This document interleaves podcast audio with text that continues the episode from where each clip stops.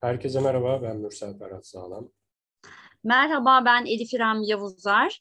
Bugün e, Hani Kurumsallık Podcast serisinin 16. yayınıyla karşınızdayız. Geçtiğimiz haftada kısa ufak bir bilgilendirme yaptığımız üzere bu hafta markalaşma sürecini konuşacağız. Oldukça eğlenceli, kapsamlı, bol bilgi, bol kavram içeren bir konu.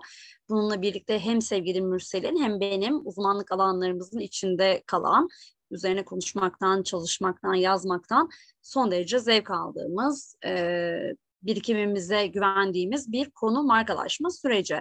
Ben hemen e, hızlı bir giriş yapacağım çünkü konu çok uzun. Değinilmesi, anlatılması gereken çok şey var, çok deneyim var, üzerine birikmiş çok anı var.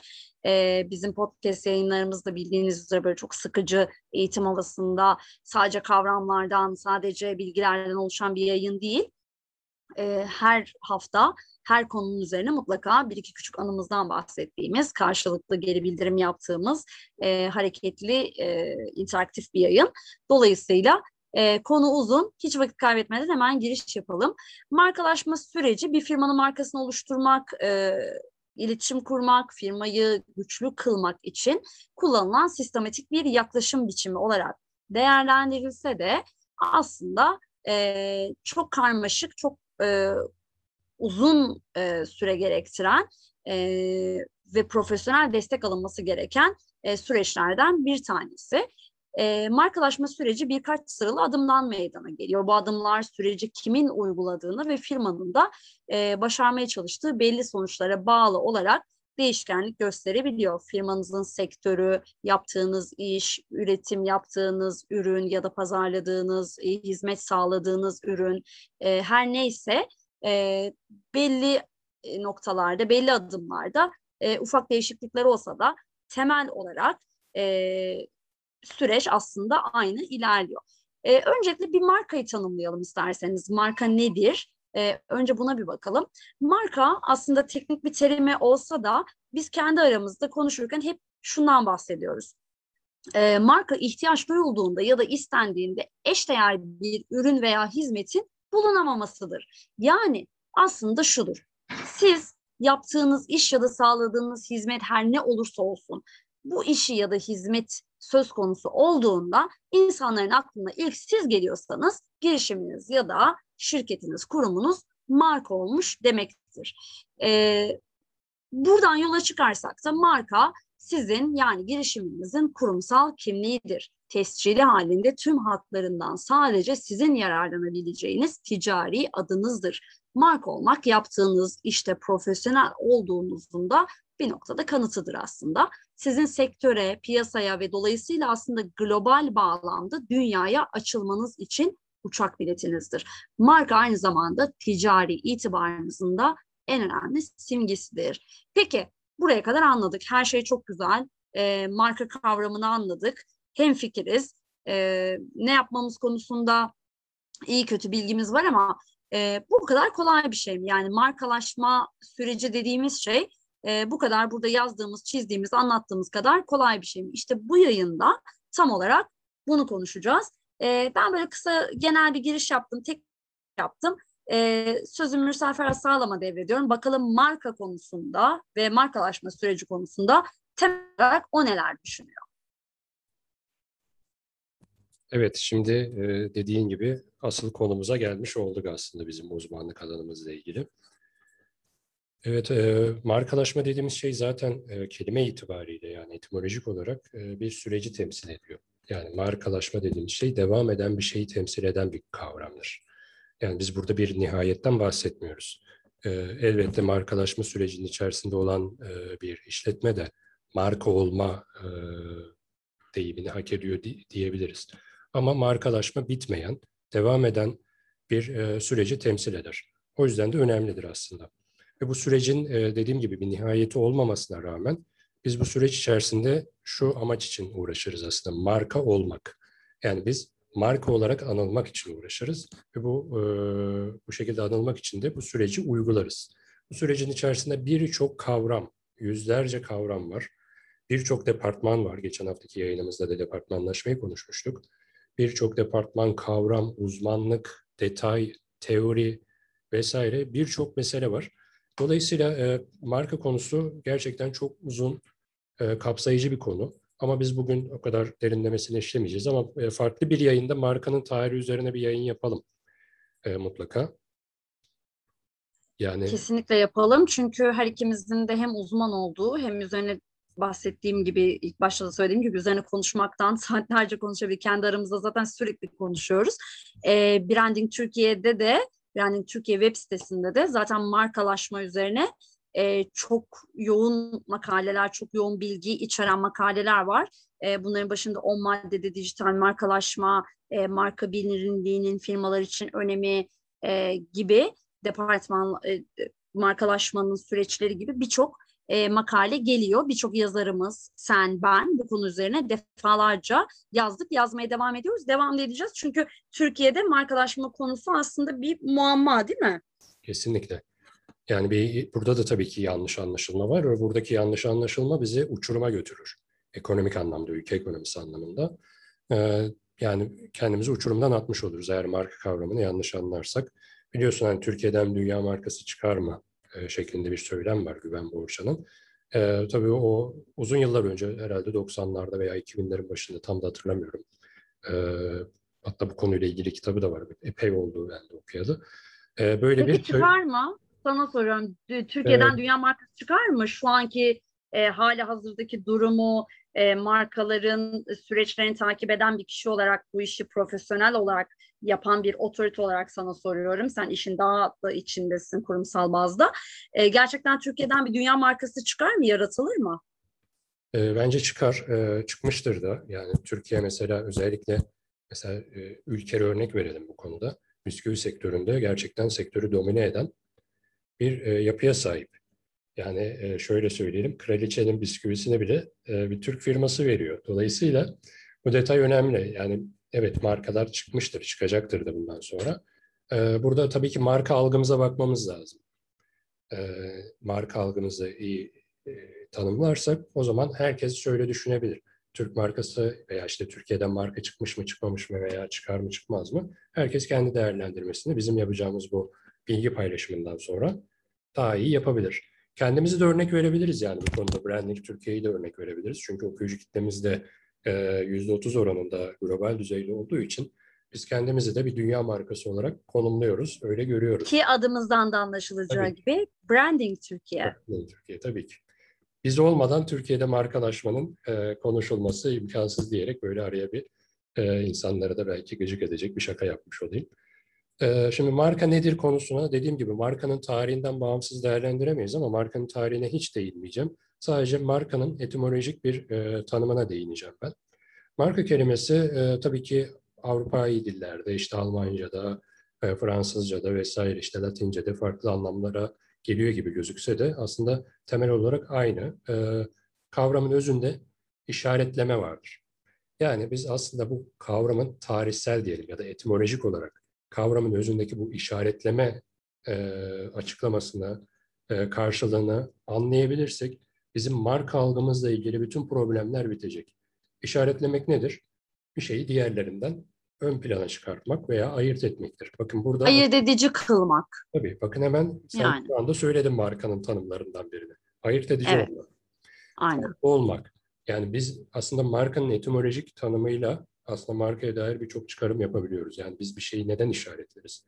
Veya işaretlenmiş olan bir şeyin özelliği nedir? Farklı olmasıdır, öne çıkması, öne çıkmayı hak etmiştir. Kitap okurken altını çizmek gibi mi? Altını çizdiğimiz satırlar tabii, gibi mi? Tabii o kitabın da marka cümleleridir onlar. Yani marka tabii ki söylem itibariyle çok dillendirilen bir şey. Yani e, ne diyelim yani bunu tabii ki küçümsemek için söylemiyorum ama e, herhangi bir e, sokak arasında mesela sokak arasında e, bir esnaf e, bir işletme açtı, bir mağaza açtı, bir e, dükkan açtı diyelim en temel, hı hı. daha doğru tabir edilir.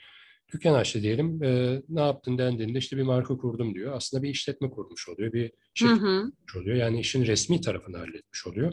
Daha marka olabilmek için işin temel noktada ayrılan iki tane e, faktörü var. Birincisi yasal, hukuksal faktörler. Yani biz markayı iki temel şeyde değerlendireceğiz. Hukuksal olarak ve bütünleşik pazarlama odağında değerlendirmek zorundayız. Ancak bu şekilde markayı e, sürdürülebilir kılarız. E, ben böyle e, etimolojik olarak giriş yapmış oldum. Mesela Almanca'da March direkt yazıldığı gibi söylüyorum. M-A-R-C diye. E, Almanca'da sınır çizgisi anlamına geliyor. Fransızca'da işte marquee şeklinde.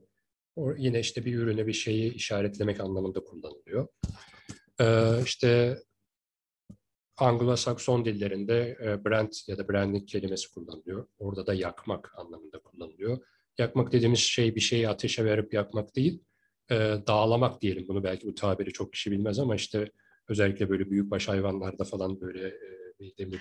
Gene aslında temelde işaretlemek yani bir şey evet. değil mi bu da yani? Hani o mesela hayvanları da büyük başları küçük başları evet. işaretlerler o dağlama şekliyle. Hani ayırt edici olsun diye yani bizim sürünün e, Evet yani. evet evet yani bu Amerika'dan e, daha çok şey yapılıyor. İşte orada büyük hayvan sürüleri bir yerden bir yere böyle bizdeki çiftliklerdeki gibi böyle 100 tane 200 tane değil binlerce hayvan var ve onların işaretlenip diğer e, çiftliklerle karışmaması için kullanılan aslında bir e, terimdi. Türkçe'ye de İtalyancadan geçiyor. Marca İtalyanca kullanımı Marca'dır.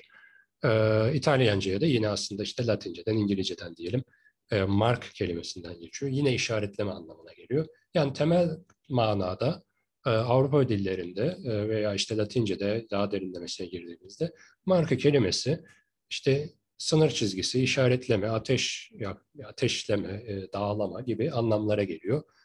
E, buradan biz e, işte kavramın e, bir kavramsal olarak doğmasına neden olan e, olayda az önce bahsetmiştim. E, dağlayarak işaretlemek yani hayvan sürülerinin diğerleriyle karışmasını engellemek için Amerika'da kullanılan bir şey bu. Temel manada o zaman şöyle özetleyelim. Yani marka dediğimiz şey kelime itibariyle söylüyorum. Bakın hukuksal veya marka e, şey bütünleşik pazarlama açısından söylemiyorum. Terim itibariyle işaretlemek, e, senin de dediğin gibi belki altını çizmek, sınır çizmek, e, dağlayarak işaretlemek, yakmak vesaire gibi anlamlara gelen bir terim, marka.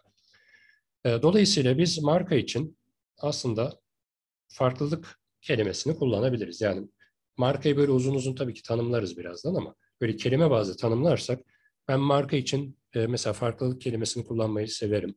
Ee, ama en çok sevdiğim şey markayı tanımlarken tek kelimeyle markayı ifade et ben bunu farklı yerlerde de söyledim. Markayı ben şu kelimeyle tanımlıyorum, tek bir kelimeyle. Sorumluluk. Yani marka kelimesinin bence bendeki karşılığı veya benim aldığımdaki karşılığı sorumluluktur. Yani marka belli bir sorumluluk hiyerarşisine sahip bir oluşumdur aslında.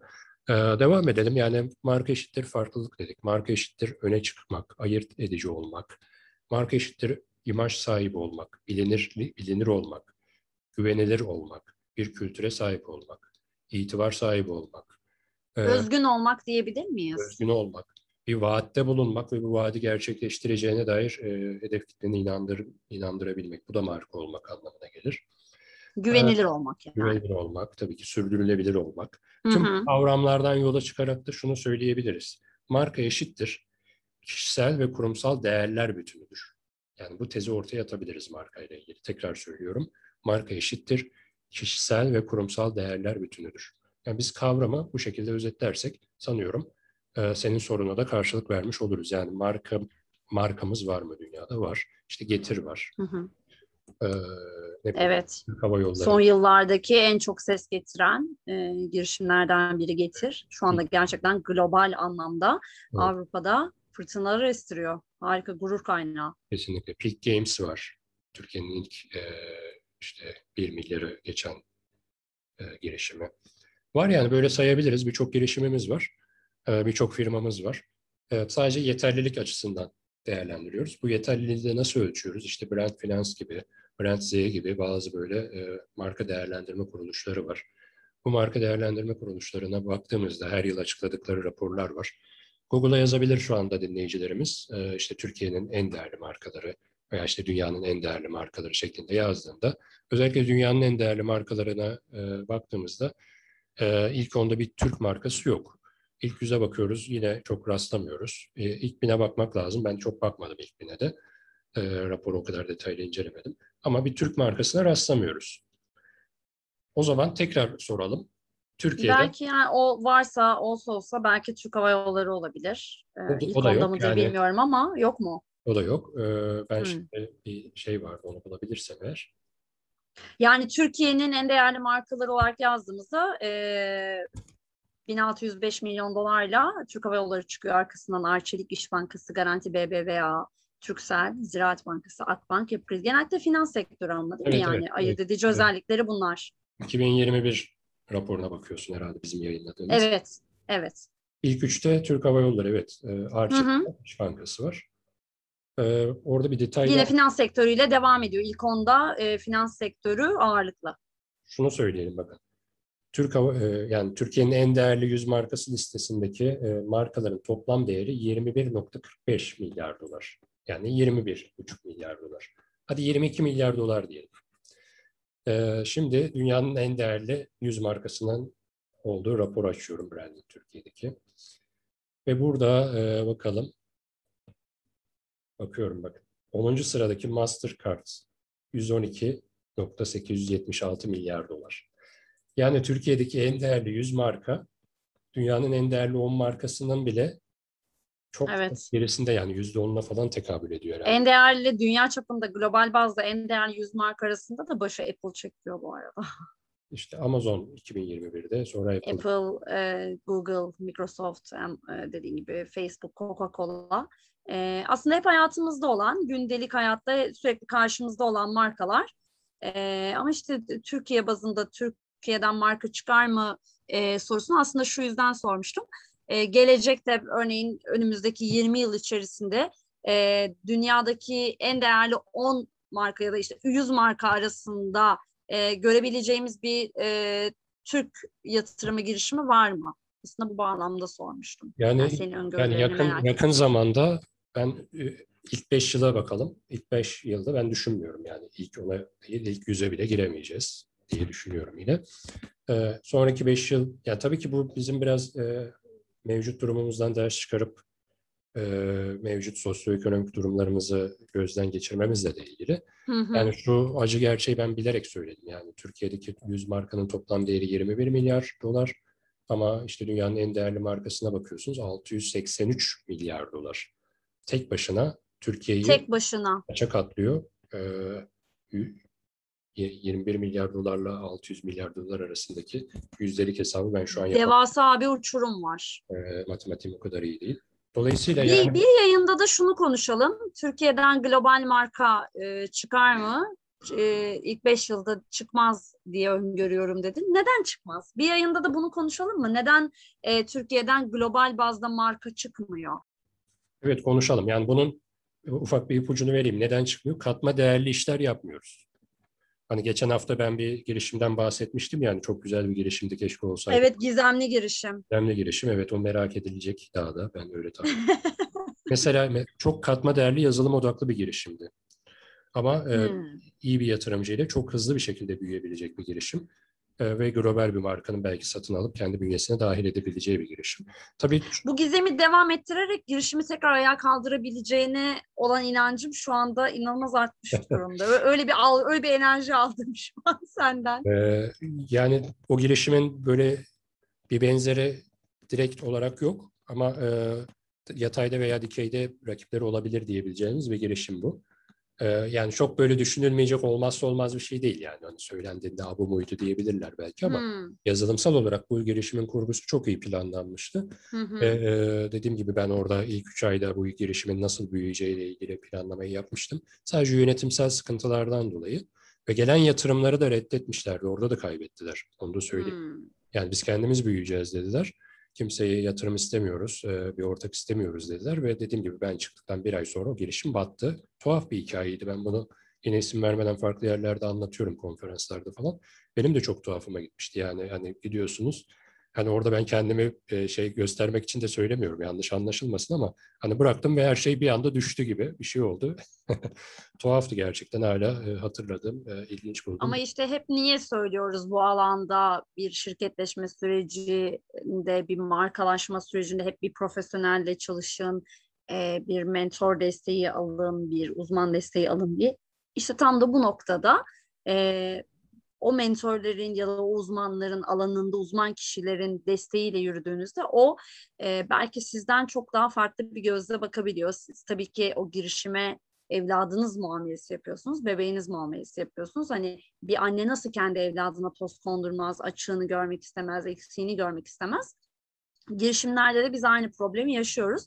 Girişimci kendi girişimine eksiklerini ya da hatalarını e, ya da aksayan noktalarını görmüyor, görmek istemiyor ama e, bir mentor desteğiyle, bir danışman desteğiyle ilerlediğinizde bu çok daha hızlı çözülebilen, çok daha e, hızlı aksiyon alınabilen bir sürece evriliyor ve o noktada da hem mali olarak hem de zaman olarak e, kaybınızı en aza indirgemiş ve e, minimalize etmiş oluyorsunuz. İşte mentor desteğinin, danışman desteğinin avantajı tam da bu noktada karşınıza çıkıyor. Kesinlikle yani e, tabii ki bir mentor da her şeyi bilecek diye bir şey yok ama o alanda uzmansa ve kendi mentor olarak e, ifade ediyorsa o insandan da yararlanmak lazım. E, marka konusuyla ilgili yani markanın terimsel anlamıyla ilgili bu detayları vermiş olduk. Bu hani hı hı. şimdi belki şunu diye olabilirler ya marka mı, markalaşma mı konuşacaksınız? Yani öncelikle biz bir marka konusunu tanımlamış olduk ve e, Tabii. tekrar hani özetlemiş olalım. E, bir değerler bütünüdür dedik e, marka için hı hı. Tam, e, ifade etmek gerekirse. E, kişisel ve kurumsal değerler bütünüdür dedik. Şimdi kişisel ifadesini de şöyle açalım. Ben stratejik marka yönetimi kitabımda da konuya böyle uzun uzun değinmiştim. Her fırsatta da söylüyorum marka yönetimi sürecinde veya markalaşma sürecinde şu detayı hiç unutmayın diyorum. Hem danışmanlık yaptığım kişilere, firmalara, hem öğrencilerime vesaire e, ve makalelerimde de değerlendiriyorum. Marka eşittir insan. Yine evet. e, markanın etimolojik tanımında işaret kavramına ne kadar değer vermemiz gerekiyorsa yani o kavramdan yola çıkarak marka olgusunu anlayabiliyorsak marka eşittir insan olgusundan da markanın yönetim sürecinin nasıl olması gerektiği ile ilgili birçok çıkarım elde edebiliyoruz. Yani bu e, sembolik şeyleri bilinçli olarak söylüyorum. Hem akılda kalıyor hem de bir süreci nasıl idare edecekleriyle ilgili e, insanlar da bilinç sahibi oluyorlar veya uzmanlar. Yani ben şöyle söylüyorum, kitapta da belirttim. E, bir insan nelerden hoşlanıyorsa, nelerden nefret ediyorsa, yani şöyle söyleyelim ya da bir insanın nefret ettikleri vardır, hoşlandıkları vardır, mutlu oldukları vardır, sevdikleri vardır, alışkanlıkları vardır, kriz anları vardır, dostları vardır, yalnızlığı vardır, aşık olduğu an vardır vesaire. İşte bir markada tıpkı bir insan gibi e, dostlara ihtiyaç duyar diyelim. Yani paydaşlara ihtiyaç duyar. Sevilmeye ihtiyaç duyar. E, takdir edilmeye ihtiyaç duyar. Bilinmeye ihtiyaç duyar. Böyle insani özellikleri markayla eşdeğer tutarsak aslında biz markayı nasıl yönetmemiz gerektiğini de oradan anlayabiliyoruz. Böyle de bir ipucu vermiş olalım. Bu da önemliydi çünkü biz markalaşmayı bir süreç olarak, bir yönetim olarak ele alıyoruz bu yayında. Markalaşma sürecini değerlendiriyoruz. Dolayısıyla markalaşma sürecinde veya bu süreçte diyelim, e, markalaşmada biz e, bu değeri de, bu sembolü de uygularsak bize yararı olur. Marka sadece tabii ki e, şeyde değil, işte kişisel ve kurumsal değerler bütünüdür dedik ama bu da yeterli gelmiyor. Marka aynı zamanda somut ve soyut değerler bütünüdür. Bu da önemli bir konu, önemli bir dinamik. Hem kişisel kurumsal değerler bütünüdür hem de somut ve soyut değerler bütünüdür. Markayı bu şekilde özetleyebiliriz. Evet, o zaman markalaşma sürecine geçtiğimizde hani marka olurken neler olacak, e, nasıl adımlar izlenecek dersek de biz bunu beş e, ana aşamadan oluştuğunu varsayıyoruz. Bunlardan ilki marka stratejisi. E, bildiğiniz üzere bunu zaten strateji e, konusunda da konuşmuştuk. Her başarılı markanın arkasında mutlaka özel bir strateji var. E, bu aşamayı doğru e, yapmak markanızın genel başarısı için kritik bir öneme sahip. Yani stratejiniz ne kadar doğru olursa, e, ne kadar e, e, profesyonel hazırlanırsa sizin markalaşma sürecindeki işiniz o kadar kolaylaşıyor ki bunu strateji yayınında yanlış hatırlamıyorsam 5. yayınımız strateji podcast'in 5. yayını stratejiyi detaylı olarak dinleyerek ne demek istediğimize e, daha rahat hakim olabilirsiniz. Çünkü çok detaylı bir konu, çok özel bir konu. Üzerinde özellikle yayın yapmayı gerektiren bir konuydu ki biz bunu yaptık. E, ikinci aşama markanın kimliği. Bu aşamada markamızı somut bir şeye dönüştürüyoruz. Yani kişisel marka kimliği bir marka dahil en görünür unsurları e, birçoğunu içeriyor. Nedir bu? Adınız, logonuz, sloganınız, e, logonuzdaki renkler, renkler belki. Yani kurumsal kimlik dosyası dediğimiz e, aşama aslında bu ki bu da olmazsa olmazlardan e, birisi. Bir diğeri üçüncü aşama markanın lansmanı yani markayı tanıtmak. E, marka inisiyatifinizin genel başarısını etkileyebilir. Dolayısıyla e, özellikle profesyonel hizmetlerde bu konu oldukça önemli, hayati bir önem taşıyor. E, aslında bu iki tanıtım iki tanıtım olarak düşünebiliriz bunu. Bu şekilde ayrıştırabiliriz. Biri e, ekibinizin, diğeri ise e, dışarıdaki hedef kitlenizin e, tanıtımı olarak değerlendirebilirsiniz. Markanın yapısı yine çok önemli. Birçok firma bütün enerjisini aslında bir önceki sekmede kullanıyor. Markanın lansmanında e, kullanıyor ve bu hataya düşüyor. Bütün enerjiyi buraya harcayarak bu hataya düşüyor. E, ama marka yapısını oluşturmanın en temel amacı şirketinizin uzmanlığını daha görünür hale getirmektir. Çoğunlukla bunu e, kamuya açık bir konuşma, bir yazı, yayın, ağ oluşturma kombinasyonu e, olarak düşünebilirsiniz ki e, bu görevi artık son yıllarda ekseriyetle sosyal medya üstlenmiş durumda. E, sonuç olarak ne? E, sonuç şu, herhangi bir markalaşma veya markalaştırma çabasının başarısı aslında büyük ölçüde nasıl yapıldığıyla e, doğru orantılı. Yani hani bir laf vardır ya, e, ne söylediğin değil, nasıl söylediğin önemlidir diye. İşte çok benzeşen bir konu. E, Birçok aşaması var e, ama en temeli bu beş tanesi. E, bu süreçleri takip ederek başladığınızda aslında e, doğru şekilde temel atmış oluyorsunuz. E, ben en temel haliyle bu beşini derledim ama mutlaka Mürsel'in üzerine ekleyeceği bir şeyler vardır şu an benim aklıma gelmeyen. Evet, güzel özetledin. Ee, şunu da söyleyelim tabii ki yani marka, biz şimdi belli bir hiyerarşide bu podcast serisini hazırlıyoruz. Yine bu hiyerarşi takip ederek aslında markalaşma sürecinin de nasıl olması gerektiğini yine anlayabilirler. Yani biz ne yaptık? İşte analizden bahsettik, stratejiden bahsettik, bir vizyondan, misyondan bahsettik, kurumsallaşma ile ilgili farkındalık sahibi olmaktan bahsettik, e, departmanlaşmadan, şirketleşmeden bahsettik. E, atladığım e, markalaşma ile ilgili başka ne olabilir? Yani birçok temel konuya değindik aslında. Arada böyle tabii ki aktüel konulara değindik, onları saymıyorum. Aşı mobbingi gibi vesaire. Onları saymıyorum tabii ki ama yani bizim ihtiyacımız olan, markalaşma sürecinde ihtiyacımız olan aslında temel birçok dinamikten biz bahsettik. Dolayısıyla markalaşma dediğimiz süreç, senin de dediğin gibi strateji olmadan, analiz yapmadan, kurumsal kültürümüzü ve kimliğimizi ortaya çıkarmadan, bunları planlamadan mümkün değil. Ve şirketleşmeden. Yani bir bir hiyerarşimiz var, bir sorumluluklarımız var. Az önce söyledim yani marka eşittir sorumluluktur. Şimdi sorumluluklarımız var. Şirket kurmadan marka olmak mümkün mü? Teorik olarak mümkün.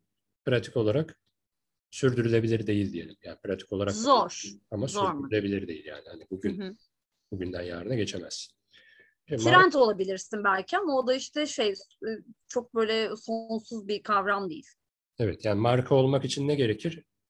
o şirketin ya da o faaliyetin, o hizmetin diyelim, sonuçta marka dediğim şey hizmet veren, kar amacı güden bir şeydir, e, bir e, olgudur, işletmedir. Tabii ki kar amacı gütmeyip de marka haline gelmiş birçok sivil toplum kuruluşu da var, onları saymıyorum.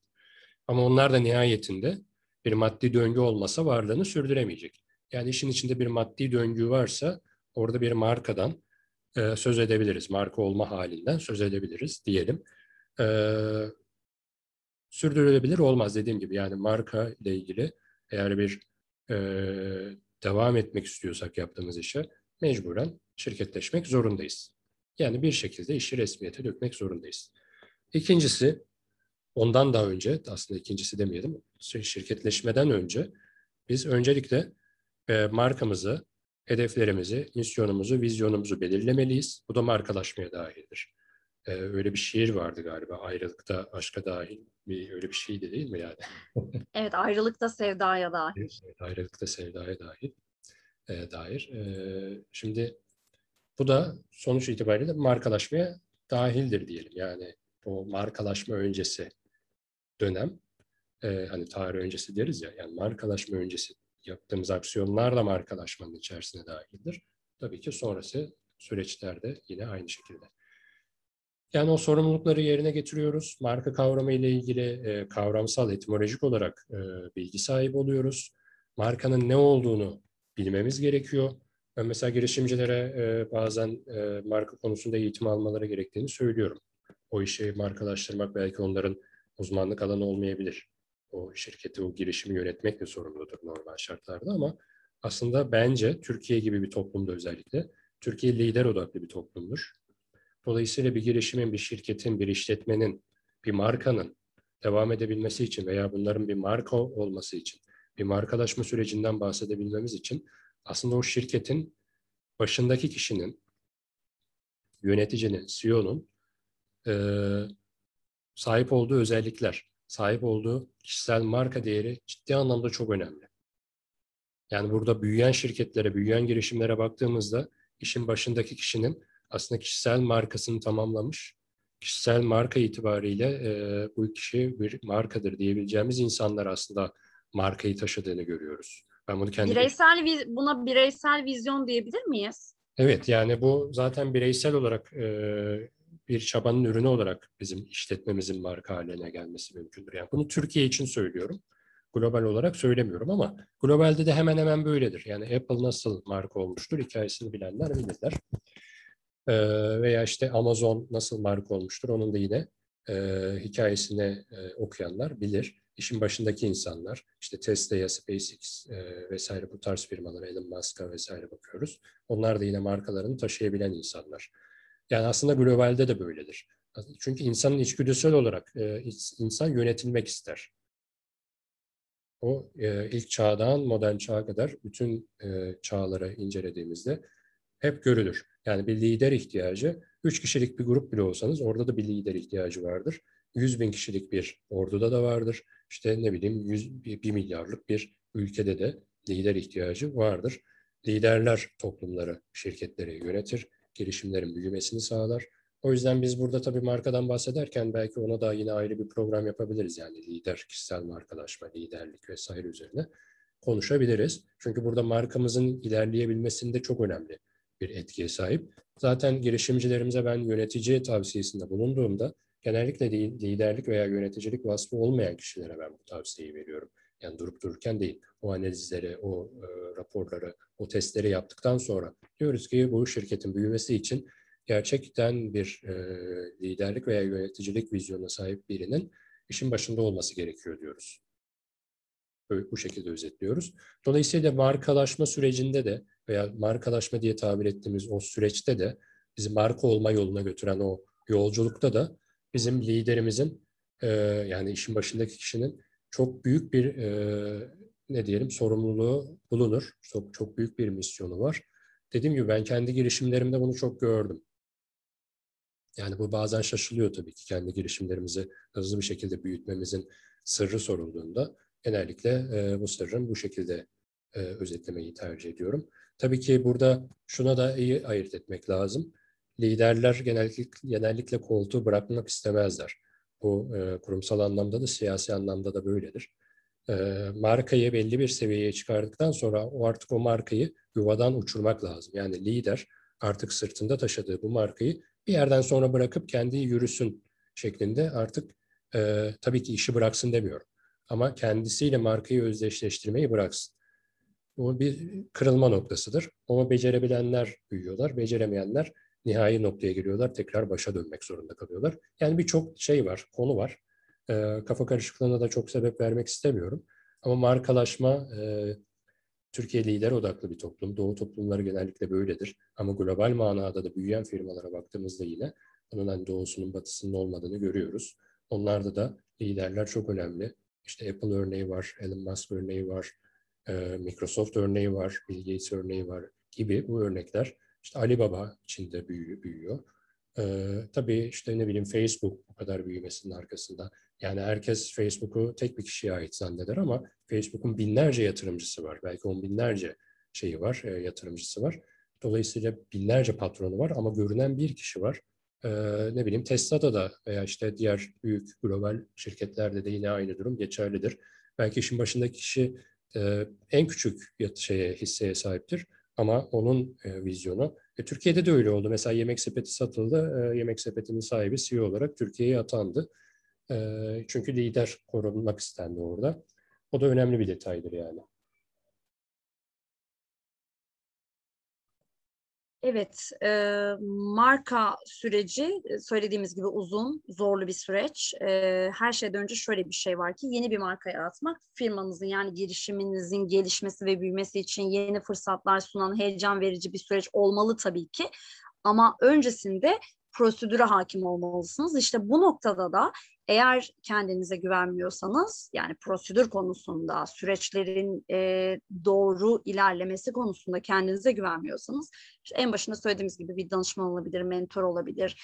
E, bu aşamaları takip ederken e, marka araçlarınızı ya da m, stratejinizi belirlerken e, bu noktada çok profesyonel olduğunuza inanmıyorsanız mutlaka bir profesyonel desteği alarak süreci başlatmanız ve ilerlemeniz en doğrusu. Aksi takdirde e, çok farklı noktalara gelebilir. Neden gelebilir? Bir markalaşmanın, e, girişimin aslında marka olması e, kolay gibi gözükse de zor tarafları var. E, hatalı varsayımlarla ya da yanlış algılarla e, hem girişiminize fikrinize hem kendinize ticari itibarınıza zarar veren bir şeyi piyasaya sürebilirsiniz.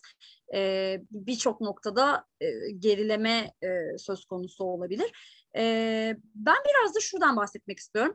Marka olmanın ya da markalaşma sürecinin e, markaya, ürüne, hizmete ya da e, bireysel anlamda e, avantajları, katkıları e, neler? Yani genel olarak baktığımızda işte marka olmak güven verir, e, tüketicinin zihnindeki soru işaretlerini azaltır, e, işte ayırt edici olur, farklılaştırır, ilk sizi akla getirir, rakiplerinizden sıyırır, e, kazancınızı büyütür, karınızı, kar marjınızı büyütür, işte sürdürülebilirlik, kalıcılık sağlar. Ama bunun dışında yani bu genel geçen bilinenlerin dışında böyle senin söyleyeceğin spesifik bir avantajı var mı marka olmanın? Evet, şimdi bu söylediğimi bütün patronlar ve girişimciler çok sevecek. E, marka olmak her şeyden önce firmaya para kazandırır. Hem de çok para kazandırır. Dolayısıyla e, nasıl kazandırır? Satış yapmanızı e, kolaylaştırır.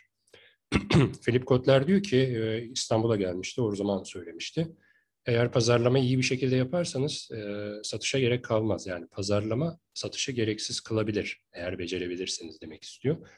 Burada aslında pazarlamadan kasıt şirketin marka olmaya giden yolda uyguladığı bütün aksiyonlardır. Hani ne diyoruz? Bir şeyin, bir şirketin, girişimin, bir ürünün veya e, markalaşabilmesi için e, bütünleşik pazarlamanın büyük oranda uygulanabilir olması gerekiyordur diyoruz. Ve bütünleşik pazarlamanın içerisinde de yüzden fazla kavram var diyoruz.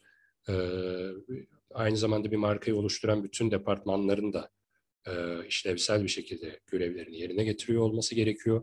Bir markalaşma sürecinden bahsedebilmemiz için. E, marka olmak dediğim gibi e, şaka yapmıyorum. Yani satışı kolaylaştırır, para kazanmanızı sağlar. E, ekstra çok aşırı çaba yani kendinizi kanıtlama çabası içerisinde bulunmanıza e, engeller. Şimdi şunu söylüyor olabilirler, bu bana çok geliyor. Hep de iki marka üzerinde örnek veriyorlar. İşte hocam neden Coca-Cola ve Turkcell sürekli reklam yapıyor diye soruyorlar. Artık onlar var olan konumlarını e, kaybetme korkusuyla değil veya belki koruma kaygısıyla da değil.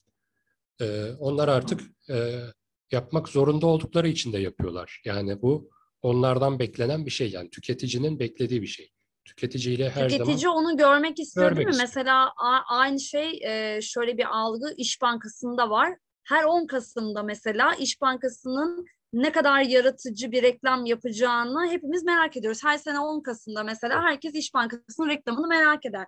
Bunun gibi yani Turkcell'in ve Coca-Cola örnekleri çok doğru bir örnek bu noktada bu bağlamda. Çünkü onların yaptıkları her reklam, her proje, her PR çalışması bir öncekinin üstüne çıkan ve her seferinde de gerçekten e, birçoğumuzun ağzının açık izlediği projeler oluyor. Evet dediğim gibi artık onlar e, iletişim kurmak için yani konuşmak için aslında tüketicisiyle o reklamlarla konuşuyor o firmalar. Yani kendini kanıtlamıyor. Tabii ki bazen ürün ve kampanya e, işte yeni bir ürün, yeni bir tarife, yeni bir hizmet vesaire neyse.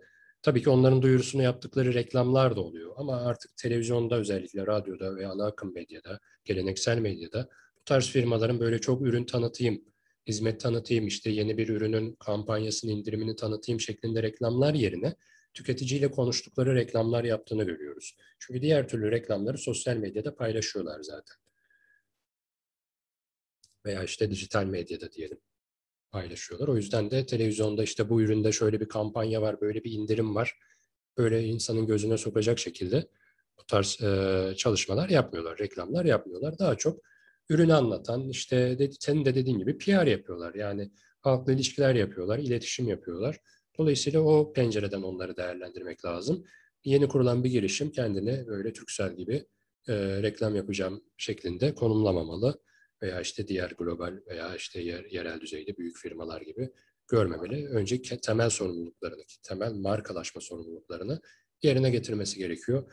Ee, bunu marka olmak e, yayınında konuşacağız gerçi ama hani markayı kurması gerekiyor, ismini belirleyecek, rengini vesairesini hukuksal olarak, e, resmi olarak, pazarlama odağında yani bütün sorumluluklarını yerine getirecek e, ve bütün süreci planlayacak. Yani biz e, Branding Türkiye'nin e, kuruluş tarihi Ocak 2018'dir. Ama Branding Türkiye e, 2017'nin Temmuz ayından itibaren çalışmaya başlamıştır. Analizler, stratejiler. Ve biz e, ortalama 2 yıllık, 3 yıllık, 5 yıllık planlarımızı yaparak yani işte atıyorum birinci yılda şu alt markalar çıkacak, şu alt ürünler çıkacak, ikinci yılda bunlar olacak, üçüncü yılda bunlar olacak diye planlamalar yaparak biz markamızı oluşturduk. Yani atıyorum e, Branding Türkiye'nin 5. yılında siz bir aksiyon gördüğünüzde aslında onun daha kuruluş aşamasından önce planlandığını düşünebilirsiniz. Yani biz bütün sürecimizi bu strateji ve işte analiz vesaire yani markalaşma sürecine başlamadan önceki aşamada zaten yapmıştık, planlamıştık. E, yani böyle bugünden yarın olacak bir iş değil. Bazen diyor işte bir günde marka oldum. Bir günde bilinmiş olabilirsin. Marka olmuş olman e, aynı şey değil. O yüzden burada ayrımlara iyi dikkat etmemiz gerekiyor ve markalaşma dediğimiz sürecin asla bitmediğini, bittiği anda marka ölür zaten. Öldüğü anlamına gelir. Yani o şirketin battığı anlamına gelir. Marka olma hali markalaşma süreci içerisinde gerçekleşir. Yani markalaşma sürecinin sonunda gerçekleşir değil. Marka olma durumu markalaşma sürecinin içerisinde gerçekleşen bir süreçtir, bir olgudur. Siz artık marka olduktan sonra yani ben marka oldum şeklinde insanlar da sizi öyle gördüğü andan itibaren ayrı bir sorumluluğunuz, ayrı bir aksiyonunuz ve vitesi belki büyütme gibi bir e, mecburiyetiniz olur. Onun dışında siz markalaşma sürecine yine bütün sorumluluklarınızı yerinize getirerek devam edersiniz. Bu bazen olur ki bir e, sektörde sizin rakibinizi, bir paydaşınızı bazen satın almanız gerekir. O da bir markalaşma aksiyonu olabilir. Veya bir girişime yatırım yapmanız gerekiyordur. O da bir markalaşma aksiyonu olarak yorumlanabilir. Yani markalaşma aksiyonu bir e, yolculuktur. Bu yolculuk içerisinde e, karşınıza birçok etmen çıkar atıyorum 2000 yılında bir marka kuruldu diyelim. İşte 2003'te Facebook diye bir şey çıktı. Facebook'ta yer alması işte o markalaşmanın e, mecburiyetlerinden biriydi. Atıyorum şu anda TikTok diye bir şey çıktı. TikTok markalaşmanın bir mecburiyetidir şu anda. Bazıları biz TikTok'la ilgili ne zaman bir paylaşım yapsak bir sürü yorum geliyor TikTok kapansın diye. TikTok'u ben kurmadım ki. Yani bununla ilgili yorum yapıyorlar ama yani TikTok'u kuran kişi biz değiliz. Dolayısıyla böyle özellikle sektörden böyle çok yorumlar geliyor. TikTok güzellemesi mi yapıyorsunuz falan. Hayır TikTok'la ilgili gerçekleri yazıyoruz, olanı yazıyoruz. Yani güzelleme evet. yapıyoruz. Her mecrada var. Yani Twitter'da da var, Facebook'ta da var. Her mecrada birçok rezalet var. Birçok e, uygunsuz durum var. Ama biz o mecraları iyi anlamda kullanıyoruz. Dolayısıyla TikTok konusunda ön yargıları bırakalım. Çünkü ön yargıyı bırakmadığınız sürece algoritma e, daha böyle para odaklı olmaya devam edecek ve siz o süreci kaçırmış olacaksınız. Hatta şu anda o süreç kaçmak üzere onu da söyleyeyim yani. Yani bir de şöyle bir şey var. Şimdi TikTok'ta eleştirdiğimiz şeyler e, tabii ki farklı şeyler ama e, yani şimdi o kullanıcı e, o mecrada onu sergiliyorsa ya da o, o anlamda kullanıyorsa şimdi o mecrayı kapatmanız e, o kullanıcıyı da yok ettiğiniz anlamına gelmiyor. O zihinler, e, o düşünceler yaşamaya ve bir yerlerde başka bir şekilde aksiyon almaya devam ediyorlar. Dolayısıyla mecrayı kapatmak ya da kaynağı kesmek e, sanıyorum özellikle sosyal medya anlamında dijital çağda e, bir çözüm değil. Kesinlikle haklısın. Yani bir şey görmezden gelmek e, yok, yok etmiyor. Yok etmiyor, yok varsayamayız. yani orada tabii ki içerik üreticilerine de takdir etmek lazım. Ben bazen e, ben her gün bakıyorum TikTok'a şöyle bir yarım saat falan mutlaka inceliyorum. Gerçekten komik Hı-hı. şeyler de var böyle moralimin çok bozuk olduğu anlarda bazen denk geliyor bakıyorum. Gerçekten böyle kahkaha atarak güldüğüm içerikler olduğunu görüyorum. Ee, yani değerlendirmek lazım. Ben kişisel olarak da kurumsal olarak da TikTok'u kullanıyorum. Ee, verim aldım. Yani ben Instagram atıyorum 2013-2014'ten beri herhalde kullanıyorum. Toplamda 15 bin mi 16 bin mi ne takipçim var. TikTok'u e, toplasan yani toplamda söylüyorum bir yıldır öyle böyle kullanıyorum ama böyle yoğun olarak kullandığım 5-6 aydır. TikTok'ta 15.400 takipçim var. Yani bir yerde 6-7 yıldır bulunuyoruz. Çünkü algoritmadan dolayı hareket imkanın kalmıyor. Yani evet. kadar mükemmel içerik üretirsen üret. Instagram diyor ki parayı vereceksin. Şimdi TikTok daha evet. yeni bu aşamaya geçeceği için bu aşamaya geçene kadar algoritma tüketiciden yana. Bu aşamaya geçtikten sonra algoritma parayı verenden yana olacak. Ama siz o aşamaya geçinceye kadar eğer algoritma tüketiciden yana olduğu süreçte TikTok'u kullanırsanız, iyi, iyi anlamda kullanırsanız, içerik üretirseniz, ben çok sistematik içerik üretemedim, ee, onu söyleyeyim yani toplamda 60-70 tane falan videom var ama böyle çok böyle sistematik Instagram'daki... İşte vakit, olmay vakit olmayınca öyle oluyor. Çok sistematik bir konsept oluşturarak içerik ürettim mi dersen, üretmedim. Ona rağmen 15 bin takipçim ve 400 bine yakında izlenmem var. Bakalım 1 milyon ne zaman göreceğim diye ben de merak ediyorum. 400 bine yaklaştı. benim için güzel bir şey. Ee, ve şunu, şunu da söyleyeyim yani benim içerik üreticisi olarak TikTok'ta ön plandayım. TikTok bir yenilik yapacağı zaman bana özel bildirim yolluyor ve öncelikli kullanıcılar, içerik üreticiler arasında beni görüyor ve e, birçok kullanıcı, milyonlarca kullanıcı deneyimlemeden ben birçok özelliği deneyimliyorum. Bu da benim e, kişisel olarak markalarıma da, hizmet verdiğim markalara da fayda sağlamama e, neden oluyor diyelim. Yani mesela şu anda TikTok'ta 3 dakikalık videolar yeni açıldı ama biz bunu evet. e, bir aydan daha önceki süreçte biliyorduk ve e, de, deneyimleyebiliyorduk. Dolayısıyla hı hı. artıları eksileri de hesap edebiliyoruz. Ona göre hemen strateji geliştiriyoruz. Yani biz aslında diğer içerik üreticilerinden, diğer markalardan birkaç ay öncesinden platformu e, görüyoruz, tanıyoruz, tüketiyoruz ve kullanıyoruz. Bu büyük avantaj. E, burada yine kendi reklamımızı da yapmış olduk yani. E, hani kurumsallık TikTok'ta yer alıyor, Branding Türkiye yer alıyor, ben yer alıyorum. E, ve e, çevremede kullanmaları için e, teşvik ediyorum. Mesela kardeşim aşçı, yemek yapıyor ve e, yemek, yemeklerini orada paylaşıyor. İnanılmaz bir takipçi kitlesine ulaştı. Evet benim de var TikTok hesabım. Ben de sadece şu anda gözlemci olarak yer alıyorum ama ben de henüz bir içerik üretemedim. Çünkü her mecranın kendine göre bir algoritması ve e, kullanıcı profili var. E, orayı da iyi analiz edip e, oraya özel, oraya özgün içerikler üretmek gerekiyor. Biz henüz vakitsizlikten o aşamaya geçemedik tabii. Eğitimler, seminerler, e, toplantılar, işte yayınlar, podcastler derken. E, ama TikTok evet eğlenceli bir e, mecra. E, burada da aslında bak tam konuyu konuştuk aslında. E, belki yaklaşık 10 dakikadır TikTok üzerinden e, sohbet ediyoruz. Demek ki kendi alanında mark olmayı başarmış bu. Kesinlikle, kesinlikle. Yani TikTok zaten e, hem e, büyüme potansiyeline baktığımızda e, açıklanan raporları, VR Social gibi veya diğer raporları da okumak lazım tabii bu anlamda. Bu raporları incelediğimizde görüyoruz ki yani TikTok gerçekten e, ilerliyor, büyüyor. E, hatta ben dün bir not almıştım e, konudan bağımsız bir şekilde TikTok'la ilgili. E, onu da bulursam notlarım arasında hemen söyleyeceğim. 3 dakikalık video ile ilgili bir e, analiz yaparken bu e, detayı vermiştim.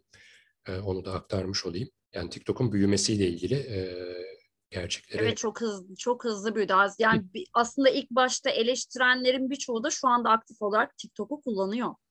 Tabii yani bilmedikleri için, bilmediğimiz için yani ben de e, kullanmıyordum. E, bizim e, G4A e, danışmanlık yaptığımız ajanslardan biri. Bu ajansın ajans başkanı Hasan Bey e, TikTok'tan bahsediyordu. O da bir TikTok içerik üreticisi değildi. O da bir gözlemciydi belki, tüketiciydi sadece orada ama E, evet. Söylüyordu. Ben de e, çok karma, aşırı karmaşık geliyordu bana TikTok. E, sonrasında dedim bir kullanayım. Biraz kullandım. E, sonra biraz mantığını anladım. Sonra içerik ürettim. Sonra belli kitlelere ulaştım ve e, inanılmaz bir etkileşimle karşılaşınca e, çok memnun oldum ve kullanmaya devam ettim. E, bakın şimdi e, notumu da açtım. Hı hı. E, bir bir şirket, bir mobil analitik şirketi bir rapor hazırlıyor. Mobilin durumu diye. State of Mobile hı hı. bir rapor. Bunu ben yazdım Branding Türkiye'de. Okuyabilirler önümüzdeki hafta. Ee, TikTok'un büyümesini şöyle ifade ediyorlar. İşte Amerika merkezli Facebook, Instagram, WhatsApp gibi platformları TikTok geride bırakıyor ve yüzde 325'lik bir büyüme kaydediyor son bir yılda. Yani bu e, inanılmaz bir büyüme ve e, Türkiye'de de e, büyümesi çok hızlı ilerliyor. E, Türkiye'de Instagram kullanımı genel manada baktığımızda 19.7 saat. Türkiye'nin Instagram kullanım e, saat bazında oranı. TikTok bunun hemen ikinci sırada geliyor. 14 buçuk 15 mi öyle bir e, ortalaması var. 14 saatten fazla da TikTok kullanıyoruz. Instagram'dan sonra geliyor. Ve TikTok'un şöyle de bir avantajı var. E, e, Shopify ile sanıyorum bir anlaşma yaptılar. Dolayısıyla 1 milyonun üzerinde e-ticaret girişimcisi TikTok'ta artık ürün satabilecek. Dolayısıyla artık burada dediğim gibi yani algoritma böyle yavaş yavaş belki bu yıl sonuna doğru tamamen artık şirketlerin e, yararına çalışacak. E-ticarete doğru gidiyor o zaman. Tabii tabii yani çok büyük bir hamleydi o. E, özel bir anlaşma Hı-hı. yapmış oldular. Yine Türkiye'de onu da bahsedeyim. 2020 üzerinde tabii ki bunu söylüyoruz. En çok büyüyen, büyüyen dijital platformlar EBA platformu var biliyorsun Milli Eğitim'in. O koronadan dolayı bütün öğrenciler orada olduğu için. Telegram, WhatsApp olayından dolayı biraz Telegram büyümüş oldu. TikTok geliyor. Yani EBA'yı ve Telegram'ı saymazsak TikTok birinci sırada görünüyor. Onun arkasından Twitter ve Pinterest geliyor. Yani TikTok'un böyle bir e, büyüme potansiyeli var. Yani bir TikTok da bir marka tabii ki. Büyümesi, marka değeri, kullanıcı sayısı, e, platforma entegre edilen özellikler, e-ticaret gibi vesaire gibi e, içerik üreticilerinin de para kazanmasına olanak tanıması. Yani bazı içerik üreticileri var. Bir akşam da e, canlı yayın açıyorlar ve 2000 dolar, 3000 dolar bir akşamlık yayınında ve bunu her gün yapıyorlar. Düşünün yani bir içerik üreticisi 20-21 yaşında bir genç e, her akşam 2000 dolar para kazanıyor. TikTok'ta hiçbir şey yapmıyor. Canlı yayın açıyor sadece. Yani o canlı yayında şarkı söylemiyor, türkü söylemiyor, bir tiyatro yapmıyor, resim yapmıyor, bir şey yapmıyor. Sohbet ediyor takipçileriyle. E, atıyorum 5-6 milyon takipçisi var. O yayına katılan insanlar da onunla sohbet edebilmek için e, daha doğrusu sohbetin devam edebilsin diye e, hediyeler yolluyorlar. Yani para yolluyorlar. O paralar da birikiyor ve gecelik 2000 dolara tekabül ediyor. Yani bir insan düşünün o 20-21 yaşında sadece konuşuyor ve bir gecede işte 15-20 bin lira para kazanıyor. İnanılmaz bir şey bu. Yani o yüzden biz burada e, markalarımıza yani markalaşma sürecimizi e, ifade ederken e, TikTok e, gerçekten iyi bir örnek oldu markalaşmadan bahsederken e, sosyal ağ pazarında e, TikTok'u bir marka olarak görebiliriz. Ama markalaşma odağında da yine genel manada yani farklı pazarlar baz alınarak değerlendirecek olursak işte e, TikTok yine iyi bir marka. E, tabii bir şeyi marka olarak değerlendirmek için ya da markalaşma sürecinin e, tamamlandığını veya sürdüğünü ifade edebilmek için dediğim gibi birçok etmen var. Zaten marka değerinden bahsettik dünyanın en değerli markalarında markanın belli sorumluluklarından bahsettin. E, marka stratejisi, analiz, e, vizyon, işte kurumsal kimlik, kurumsallaşma. E, birkaç şey daha ekleyelim. İşte marka iletişimi, marka tescili hukuksal anlamda korumak için, marka kişiliği, marka kimliği, marka değeri, marka farkındalığı, e, marka bilinirliği, marka denkliği, marka çağrışımı, marka tutumu gibi bu kavramların da markalaşma sürecinde büyük önemi var. Bunların da değerlendirilmesi gerekiyor diyelim. Ee, genel manada her şeyi konuştuk diye düşünüyorum. Evet yani genel olarak e, söylemek istediğimiz şuydu ki marka olmak zor bir şey değil ama çok kolay bir şey de değil ve marka olmak ancak aşamalı bir süreç izlendiğinde başarıyla sonuçlanabilir. Ee, anlattığımız e, sekmelerde, aşamalarda bazen girişimciler maliyetleri düşürmek veya işlemleri hızlandırmak adına bazı şeyleri azaltmak, eksiltmek isteyebiliyorlar. Ancak bunu yapmak maalesef kendi riskleriyle birlikte e, geliyor ve bir markalaşma girişiminin batması aslında çok kolay. E, bu süreçler doğru izlenmediği noktada hem fikrinize hem enerjinize hem sermayenize yazık olacak bir sonuçla e, sonuçlanabilir ki bunu hiç kimse istemez. E, evet ne yapacağız? Marka olmaya karar verdiğimizde birincisi kendimizden emin olacağız. Süreçler ve prosedür konusunda kendimizden emin değilsek mutlaka bir danışman ya da bir mentor, bir uzman e, aracılığıyla onun rehberliğinde ilerleyeceğiz. Kendimizi dinç tutacağız, e, gelişmelere açık olacağız, revize edebileceğiz duruma göre, çağa göre, e, belki eklemeler, belki çıkarmalar yapabileceğiz. Bir önceki yayında da konuştuğumuz üzere doğru departmanlaşma yapacağız. Çünkü markalaşmaya giden süreçte en önemli adımlardan birinin departmanlaşma olduğunu geçen yayında anlattık. Yine 15. yayını da baştan sona dinlediğinizde son derece konuya hakim olacaksınız. Evet, e, markaya aslında marka başlığına genel olarak önümüzdeki hafta marka olmak konusuyla devam ediyor olacağız. Bugün sadece markalaşma sürecine bir giriş yaptık. Genel geçer şeylerden bahsettik. E, güncel deneyimlerimizden ve aklımıza gelen aktüel konulardan TikTok gibi e, bahsettik. Ama önümüzdeki hafta marka olmak konusunu konuşacağız. Biraz daha teknik bakacağız, biraz daha kavramlarla e, yoğurup e, biraz daha m, akademik incelemelerin olacağı bir yayın olacak. E, benim söyleyeceklerim markalaşma süreciyle ilgili şimdilik bu kadar. Önümüzdeki hafta marka olma konusuyla devam edeceğiz. E, söyleyeceklerimizin devamı o konuya girdiği için şimdilik noktalıyorum ben kendi açımdan.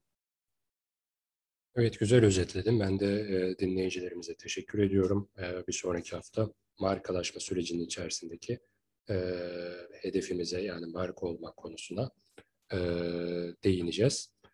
E, yine güzel bir yayın sizi bekliyor olacak. E, hissediyorum Elif'in e, bakışlarından. E, evet. Görüyorum. E, o zaman şimdilik hoşça kalın diyoruz. Yine iyi tatiller. Kendinize dikkat edin. E, yine maske mesafe gibi e, kurallara dikkat edelim tabii ki. E, umarım her şeyin düzeldiği, tamamen normalleşmenin başladığı günlere geliriz. Evet dinlediğiniz için teşekkürler. Bizi sosyal medya hesaplarımızdan, Telegram'dan, Spotify'dan takip etmeyi unutmayın. Ee, sorularınız, önerileriniz için de yine hem Mürsel'e hem bana özel hesaplarımızdan ve hani kurumsallık hesaplarından ulaşabilirsiniz. Dinlediğiniz için teşekkür ediyoruz. Önümüzdeki hafta marka olma konusuyla devam ediyor olacağız. Kendinize iyi bakın. Sağlıklı bir hafta diliyoruz. Hoşçakalın. Hoşçakalın. Görüşmek üzere.